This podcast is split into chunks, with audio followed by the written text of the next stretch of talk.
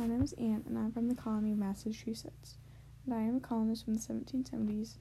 I'm going to be talking about how I found out about the DOI and what my reaction was to it. One day I was walking through town and overheard people talking about it. When I was reading through the DOI, I found the major beliefs.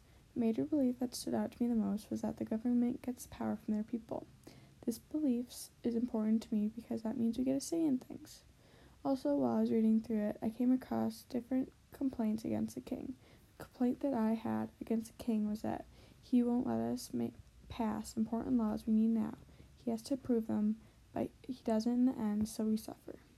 This makes me upset because we are our own colonies and we should be able to make our own laws. Finally, at the end of the DOI, it lists that we should be able to what we should be able to do as a free country.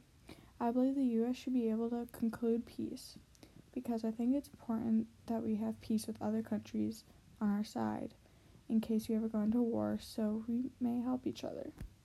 In the future, I hope that the United States will be their own country and everyone has a say in things. Thank you for listening to my story.